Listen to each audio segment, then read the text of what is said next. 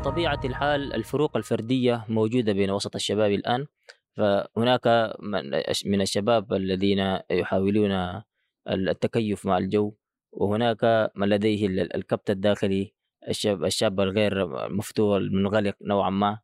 آه، بعض بعضنا نشكل مجموعة في أثناء الاستراحات نزور القاعات سواء كانت في القاعات العليا أو السفلى أحيانا نفاجئ هذه القاعات. لزيارة أخ معين ندردش معه أحيانا. حتى في غرف السكن يعني. نعم في سكن. نعم في سكن في سكن. وندردش مع هذا الشاب ممكن أحيانا مع المرح يتجاوب مع الشباب وينصهر مع المجتمع الذي يشارك نعم. نكسر الصنم الذي بداخله. فالفروق الفردية موجودة في هذا الجانب. إضافة لذلك آه الآن في الملتقى صراحة كل شيء هنا يبدأ نوعا ما صعب. لكن أثناء نهاية البرنامج تجد هناك من لا يريد أن ينتهي هذا هذا اللقاء، من يريد أن يستمر لمدة أسبوع أسبوعين اخرين وأنا منهم يعني. من يريد ان أن يبقى أكثر فأكثر في هذا البرنامج وممكن أن يطيل نوعا ما. فالملتقى بحد صراحة هو الآن يعتبر أسرة واحدة يعني. هناك مجموعات أسست هناك آه، تم تشكيل شباب في في جروب واحد في مجموعة واحدة يتواصلون فيما بينهم الآن. الواحد من جنوب إفريقيا يواصل أحدهم موجود في آسيا. وواحد من غرب إفريقيا يتواصل مع واحد موجود في تركيا أو في بلدان أخرى. فهذا الانسجام التام تقريبا آه، ولدته أو ولده الملتقى. إدارة الملتقى الآن الأستاذين الدكتور محمد خير مع الأستاذ الدكتور ياسر القادري. صراحة آه، شملوا في هذا البرنامج برامج قيمة جدا. آه، العام الماضي نوعا ما يختلف. كان هناك هناك محاضرات وندوات. تقام في داخل القاعات من الصباح للمساء ما في جدول مرتب حسب البرنامج. لكن هذا العام تم تقسيمه وتوزيعه إلى نسب معينة حول ورش ندوات جلسات أدبية جلسات نقاشية. فما أثار الوضع أكثر وما ترك الشباب الآن حاولوا نوعا ما يفكرون كثيرا أو يفهمون ويعطي هذا هذا التنوع بيعطي فرصة للشباب إنهم يساهموا. نعم. يعني بدل أن يكونوا متلقين, متلقين فقط نعم. بدل ما يكونوا متلقين الآن بدهم كذلك بدأوا يعطوا إعداد ورقات بحثية مشاركة في في ورشة معينة وإعداد تلخيص معين وترتيبه وإلقائه عند للحضور. فلذلك البرنامج البرنامج بحد ذاته هو من يصنع الشباب. هو البرنامج آه، اولا جزاكم الله خيرا. يعني البرنامج ممتلئ جدا جدا. يعني نحن شخصيا أنا وكثير من الإخوة لا ينامون إلا قليلا. لكن اليوم يعني يكون ممتلئ جدا. حتى نحن لا أصلا نحن لا نريد أن ننام أن ننام. كثير من الإخوة سمعنا منهم فلا نريد أن آه، يعني تكون الصباح حتى ننتهي نحن نسهر مع بعض وكذا. كثير من الإخوة من إخوة من ليبيا من لبنان من كثير من البلدان المختلفة. فسبحان الله يقول يعني آه، نجلس قليلا نرى أن صارت الساعة الثانية والنصف ونحن نتكلم ونتحدث ونذهب إلى صلاة الفجر وهناك يكون آه، حلقات الذكر ونقرأ من القرآن الكريم وكذا. فأنا أيضا تأثرت من شيء آخر آه، أن هناك كثير من الإخوة كانوا يتحدثون ويقولون أنا أول مرة أتيت إلى تركيا وكنت لا أعرف أن الأتراك هكذا ونحن بعضنا قلنا لهم نحن كنا لا نعرف مثلا أنكم كنتم كذا. فنتحدث ونتحدث ونجد أن نحن كلنا يعني من أمة واحدة الحمد لله رب العالمين. فتأثرنا من بعضنا بعض. وبعد ذلك حينما أتى آه، شيخنا الدكتور إحسان شنوجاق يعني من سامسون نحن ندرس هناك حينما أتى إلى الملتقى وألقى آه، الكلمات في اللغة العربية وتحدثنا عن العلم وكذا فسبحان الله آه، حينما أن انتهى الكلام الإخوة كلهم اجتمعوا حول الشيخ إحسان وبعد ذلك يعني استغربوا قالوا يعني كيف أنتم تتكلمون اللغة العربية بهذه الدرجة؟ فأصلا نحن هناك ندرس اللغة العربية لكن هنا تقدمنا كثيرا في هذا الملتقى. كثير من الإخوة الذين يدرسون اللغة العربية نحن كأتراك فأتينا إلى هنا دائما من الصباح حتى المساء والمحاضرات كلها يعني آه، باللغة العربية. فتقدمنا جدا جدا في هذه اللغة. ممارسة آه. نعم. ممارسة جيدة. الحمد لله يعني. طبعا هو شوف آه، الحقيقة شرف عظيم لهيئة علماء فلسطين أن تبادر بهذا المشروع. كان لابد أن يبادر به أحد. فأن يقوم به علماء فلسطين وكما ذكرت أنا في كلمتي في افتتاح الملتقى أنا أشعر بأن أحد الأهداف التي تتحقق من ذلك هو التذكير بأن قضية فلسطين هي قضية الأمة بأسرها. فعلماء فلسطين لا يهتمون فقط بالشأن الفلسطيني بل قضايا الأمة بأسرها تهمهم. آه، لكن العوامل التي تؤدي إلى نجاح مثل هذا الملتقى عوامل مهمة. آه، أولها تفهم وتعاون السلطات التركية لأنهم هم يوفرون لكم المرافق.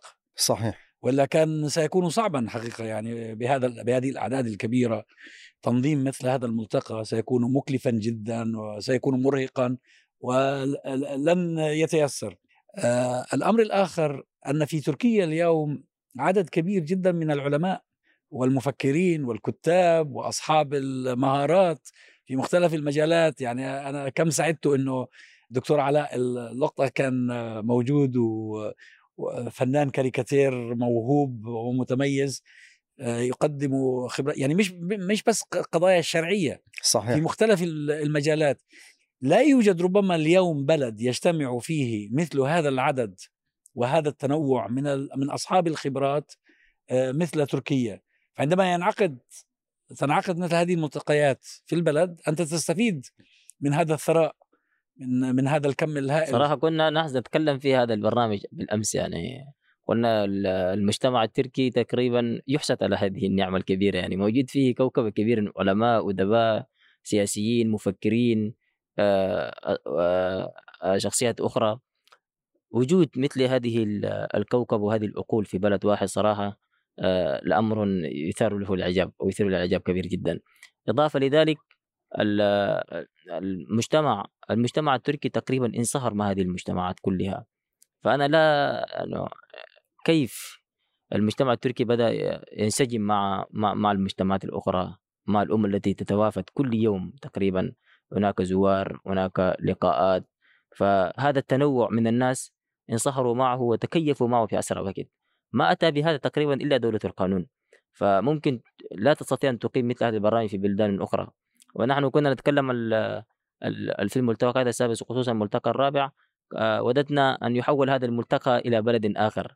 فتقريبا الذي يجعل ويخول الجهة التي تقيم بالبرنامج هو القانون. إذا كان هناك دولة قانون آه، تؤمن بالحريات الديمقراطية. تقريبا يستطيع الملتقى أن يقام أو أو يتعدد تتعدد اللقاءات من دولة لأخرى. وهذا ما يجعل الناس تنسجم أكثر وتتعرف أكثر على هذا البرنامج. هناك من الشباب من تشاد يتواصلون الآن معنا عن آلية المشاركة وكيفية المشاركة وهل الملتقى نصف سنوي أو سنوي.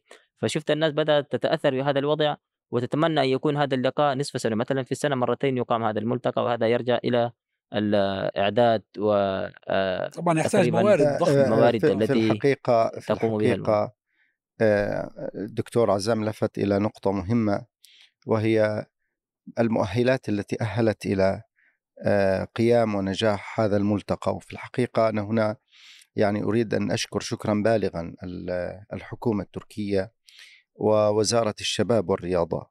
وزارة الشباب والرياضة وزارة في غاية التعاون مع هيئة علماء فلسطين وهي التي أمنت لنا حقيقة الأماكن مكان إقامة الشباب في يلوى وهو مكان كما رأيتم فيه سكن وفيه مدرج وفيه قاعات وفيه مسجد. حقيقة جاهز مكان آه مجهز بكل شيء. مكان آه، مجهز آه بكل شيء. وقدمته يعني آه للهيئة مجانا للملتقى. وكذلك قدمت آه، مكان الشباب انعقاد ملتقى الشابات في إسطنبول في منطقة العمرانية. كذلك آه، المكان مجهز تجهيزا كاملا. وللأمانة أيضا أيضا ساعدنا يعني هو لم يقدم فقط المكان وإنما أيضا الرعاية بحيث أن نائب وزير الشباب قام بزيارة الملتقى والتقى بالشباب وتحدث إليهم. وأيضا الفعاليات الرسمية في يلوى على سبيل المثال والي يلوى على تواصل مستمر. رئيس بلدية يلوى أيضا مدراء السكن ومدراء السكنات يعني حدثت مشكلة مياه في أول بضعة أيام كون السكن جديد. كل الفعاليات التي في المدينة تحركت تحركا يعني الدفاع المدني ووالي يلوى ورئيس البلدية ووزارة الشباب هناك حالة من الحرص على آه، تقديم الخدمات وعلى نجاحها بفضل الله تبارك وتعالى وهذا يحسب للحكومة ويحسب للفعاليات التركية. بقدر ما هذا الأمر يسر بقدر ما تحزن أن البلدان العربية الكبرى هذا الأمر غير متوفر فيها غير متيسر. صحيح. يعني تصور أنت لو إنه لو أن اليوم مصر بلد ديمقراطي كان مثل هذا الملتقى بكل سهولة ينظم في مصر. بلد الأزهر وبلد الجامعات وبلد الحضارة العريقة. لو أن تونس لم يحصل فيها ما حصل من انقلاب على الديمقراطية. كان يمكن أن ينظم فيها. للأسف حتى أنا أنا أذكر على فكرة لما حججت الحجة الأولى كان عمري 17 عاما. ذهبنا رحلة مدرسية من الكويت إلى الحج. كان الحج وثم حججت الحجة الثانية في عام 2007 أو 2008 ربما 2007 نسيت والله. الفرق شاسع بين بين الحجتين. الحجة الأولى كانت منى أشبه بالمعسكرات الشبابية والعلماء يحاضرون والناس تتنقل بين الخي... الخيام ويقول لك هذا هذا معسكر الفلسطينيين وهذا معسكر السوريين وهذا معسكر الكذا فعلا تشعر بأنه في حيوية وفي. في حرية التقاء في الحجه الثانية طبعا كل هذا غير غير غير موجود. تقييد شديد على حرية التنقل حرية التعبير. الآن العالم العربي أبوابه موصودة. مقفلة لسوء الحظ.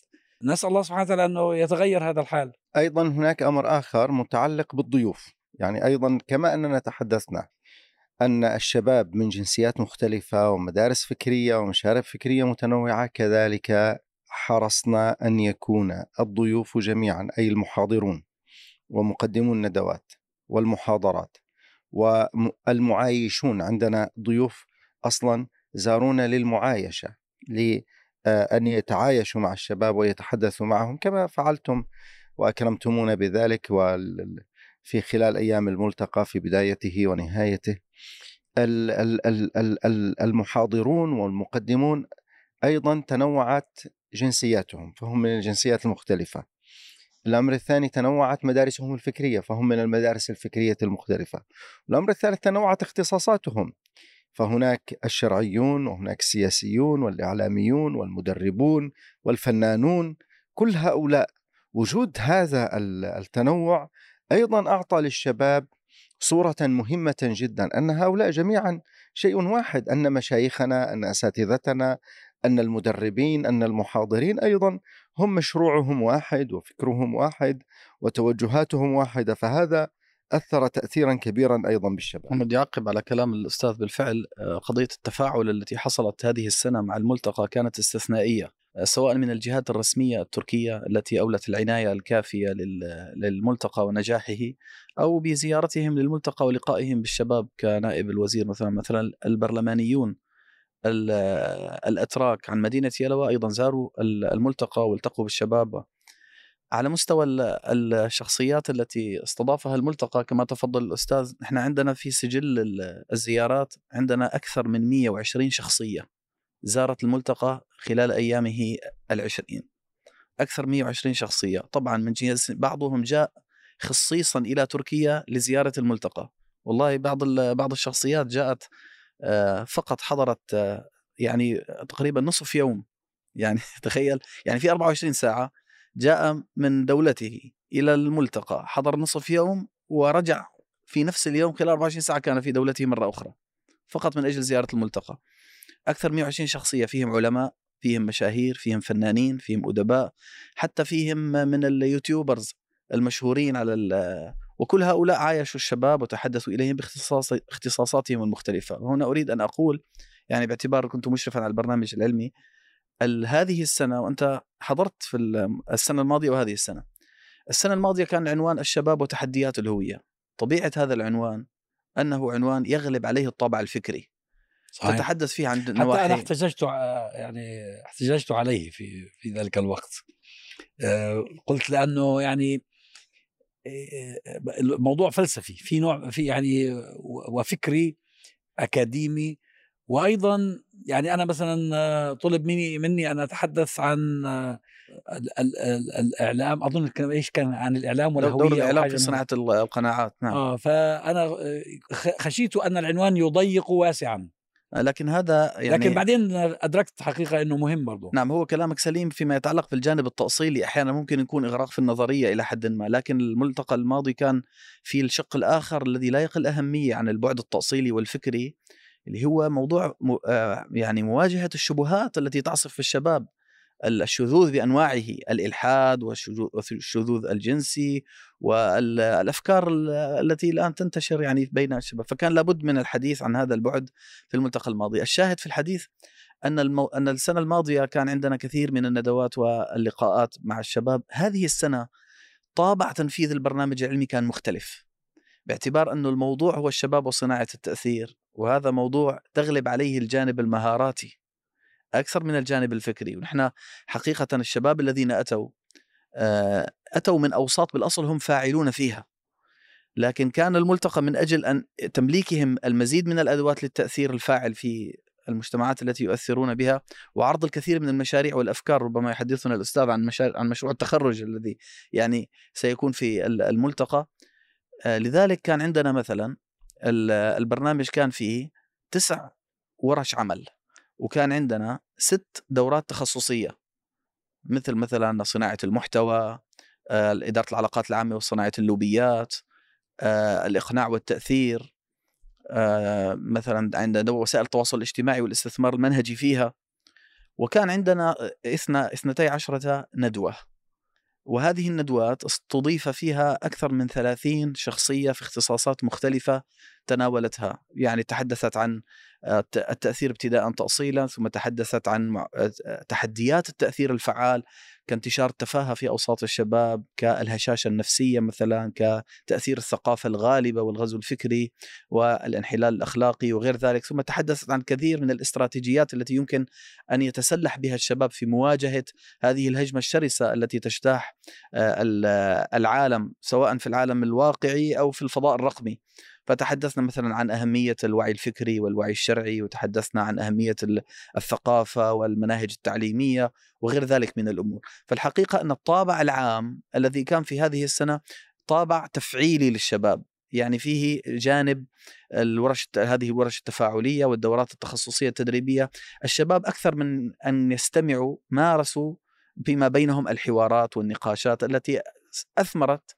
وكما الآن أطلب من الأستاذ أن يحدثنا أثمرت مشاريع إن شاء الله تعالى سيكون لها على أرض الواقع تطبيقات مباشرة. إضافة لكلام الأستاذ ياسر القادري حول آه، انسجام الطلاب أو المشاركين الشباب في هذا البرنامج ال- تجد بعض الأحيان تبدأ الندوة تقريبا ساعتين للبرنامج وساعة ونصف تقريبا آه، تذهب في موضوع الأسئلة وموضوع المشاركة فالتفاعل الكبير الموجود داخل القاعة صراحة تفاعل فعال جدا لأن أغلب الشباب الآن آه، مؤثرين وحاولوا آه، يعرفون أبجديات هذا البرنامج وما يقدمه المحاضر.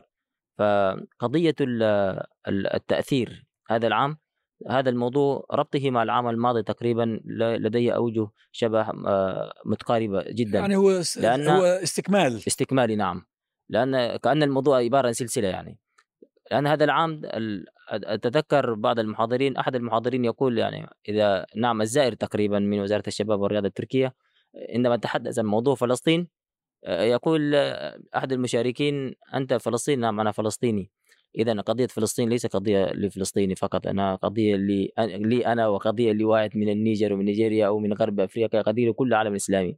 فأصبح الآن شباب ال- ال- الأمة هي متلاحمة ومنسجمة بعض البعض كما قال من النبي صلى الله عليه وسلم في الأثر أو حديث النبوي الشريف آه، من لم يهم أمر المسلمين فليس منهم. فهذا الاهتمام الكبير والكلمات النابعة من الصميم القلب التي يقدمها المشاركون ويقدمها كذلك ال ال ال المحاضرون فهذا ناتج عن هذه الأمة. بدأت الآن تعرف بعضها البعض. بدأت تعرف مكامن ال ال الاختلاف وجزء من الحاجات التي قد تكون هي بعيدة منهم. فالآن هذا الانسجام وهذا الترابط وهذه الأخوة ال- ال- الموجودة داخل الملتقى الملتقى تقريبا هي موجودة في نفس شعوب الأمة الإسلامية. شوف على ذكر المشاركة الشباب في الندوات آه، أنا أفضل أن يكون الوقت المخصص آه، للمشاركة في الندوة محدودا. والجزء المخصص للنقاش هو الجزء الأكبر. لماذا؟ لأنه أنا إذا طلبت مني فكرة هذه الفكرة لو أحسنت تقديمها يمكن أن أقدمها في عشر دقائق. في ربع ساعة قلت ثلث ساعة بالكثير. هكذا وهذا مقرر الوقت 20 أصلاً. دقيقة للمتحدث. أي نعم. ولا يتجاوز. ليه؟ لأن لأن آه، مشاركة الشباب سواء كانت على شكل أسئلة أو تعقيبات آه، هي التي الح- في الحقيقة وهي التي توسع هو حقيقة فكرة الندوة يعني إحنا ما عندنا مثلا محاضرات في الملتقى من من من من الملتقى الثاني، لا توجد محاضرات، فكرة الندوة قائمة على التالي: مجموعة من الضيوف اثنين أو ثلاثة، كل واحد يتحدث في محور وهذه المحاور ترتبط في موضوع واحد هو موضوع الندوة، كل واحد يتحدث يكمل بعضها بعضا. بالضبط. آه. يتحدث 20 إلى 25 دقيقة بمثابة مقدمة أو ورشة أو عفوا فرشة معرفية للشباب حول موضوعه. ينتهي ال- الشطر الأول من الندوة بهذه التقديمات من الضيوف الثلاثة. الشطر الآخر كله للحوار والنقاش مع الشباب المشاركين. وبالتالي لا توجد سآمة لا يوجد نوع من ال- ال- المحاضرة التقليدية التي يستمعون إليها الشباب. وبنفس الوقت تفسح لهم الفرصة للقاء أكبر قدر ممكن من الخبراء والمؤثرين والشخصيات في استضافة هذه الندوات الملحوظة التي وصلتني من عموم المحاضرين والضيوف. سواء ممن قدم عند الشباب أو عند الشابات أنهم شعروا بمفاجأة من المستوى المعرفي العالي عند الحاضرين من الشباب والشابات من خلال حوارهم ونقاشاتهم. أن الأسئلة التي كانت تسأل الأفكار التي كانت تطرح كانت تدل على عمق فكري من جهة كانت تدل على اهتمام حقيقي من جهة ثانية وكانت في صميم الموضوع. وهذا أدى إلى أن يكون المادة التي تقدم حقيقة مادة رفيعة ليست يعني من من الأفكار المستهلكة ال- التي يعني تكرر عادة. آه، وهذا شيء مهم جدا. الأمر الثاني آه، فيما يتعلق بالبرنامج عموما. أنا أريد أن ألفت النظر إلى أن البرنامج ال- ال- العلمي الذي يشمل الندوات والمحاضرات والدورات وورشات العمل هو جزء من البرنامج وهو عصب ال- الملتقى. عندنا أيضا برامج موازية كانت عندنا البرنامج الإيماني وهذا برنامج له لجنته وله مسؤوله. هذا البرنامج الذي يشرف على الصلوات وعلى المواعظ الخواطر كانت تقدم عقب كل صلاة خاطرة. هذه الخاطرة إما أن يقدمها أحد الدعاء أو أحد الضيوف أو أحد الشباب. آه، أيضا آه، متابعة الجلسات القرآنية متابعة جلسات الأذكار القيام الليل في بعض الأيام. هذا البرنامج الإيماني كان يتابع هذا. آه، عندنا البرنامج برنامج السمر. كان عندنا حفلة سمر في كل يوم. كانت تتنافس فيما بينها الفرق الشبابية ب- بروح فيها كثير من المتعة والمعرفة معا. وكان عندنا في جلسة السمر جلسة مدتها نصف ساعة اسمها تجربة تأثير مع أحد من المؤثرين الكبار من العلماء الكبار زارنا عدد كبير من ال- العلماء والدعاة الكبار منهم الدكتور عمر عبد الكافي الدكتور أبو الخير شكري الدكتور عصام البشير الدكتور. محمد الصغير الدكتور علي قرداغي الدكتور علي الصلابي الدكتور عدد من الأستاذ محمود عاشور كل هؤلاء كانوا موجودين في تجربة تأثير أيضا في ال في ال في السمر كان عندنا عدد من المنشدين والفنانين عندنا ال ال ال الأستاذ الدكتور محمد أبو راتب محمد كندو وغيرهم. آه، عندنا أيضا برنامج اسمه برنامج المعايشة. وبرنامج المعايشة هذا نقصد به أن يأتي ضيوف يتعايشون يعني يحتكون مع الشباب يجلسون معهم في المطعم يجلسون معهم في غرفهم يجلسون معهم في قاعاتهم وهذا زارنا فيه ثلة كانوا يقيمون. ونطلب من كل ضيف يأتي أن يقيم معنا اياما بحيث أن هذه المعايشة تؤثر في الشباب أكثر بكثير من مجرد ال- المحاضرة و- و- وقد أكرمتمونا أنتم يا دكتورنا الحبيب بهذه المعايشة ورأيتم كيف أن الشباب عندهم أسئلتهم وعندهم يعني روح المبادرة. هو لو تركنا لهم المجال مش حننتهي. تماما. ال ال ال ال ال ال ال أيضا عندنا برنامج الترفيه والترفيه والرحلات. كان عندنا مسابقات رياضية آه، اللجنة كانت قائمة بدور مهم جدا. كان عندنا مسابقات في أوقات الفراغ آه، آه، دوري للشطرنج دوري لكرة القدم آه، دوري للتسديد والإصابة أيضا كان عندنا رحلتين رحلة إلى سياحية في يلوى ورحلة جاءت إلى إسطنبول يعني زيارة المساجد التاريخية والسلطان أيوب وأيا صوفيا والفاتح والسليمانية مع تعريف بهذه المساجد. هذا البرنامج كله بهذا الشكل المتكامل. طبعا كان عندنا أيضا لجان عمل أخرى لجنة الإشراف والانضباط التي تشرف على الشباب وتسكينهم وحضورهم للمحاضرات. كل هذه كل هذا البرنامج كان يؤدي دورا متكاملا في صناعة الملتقى.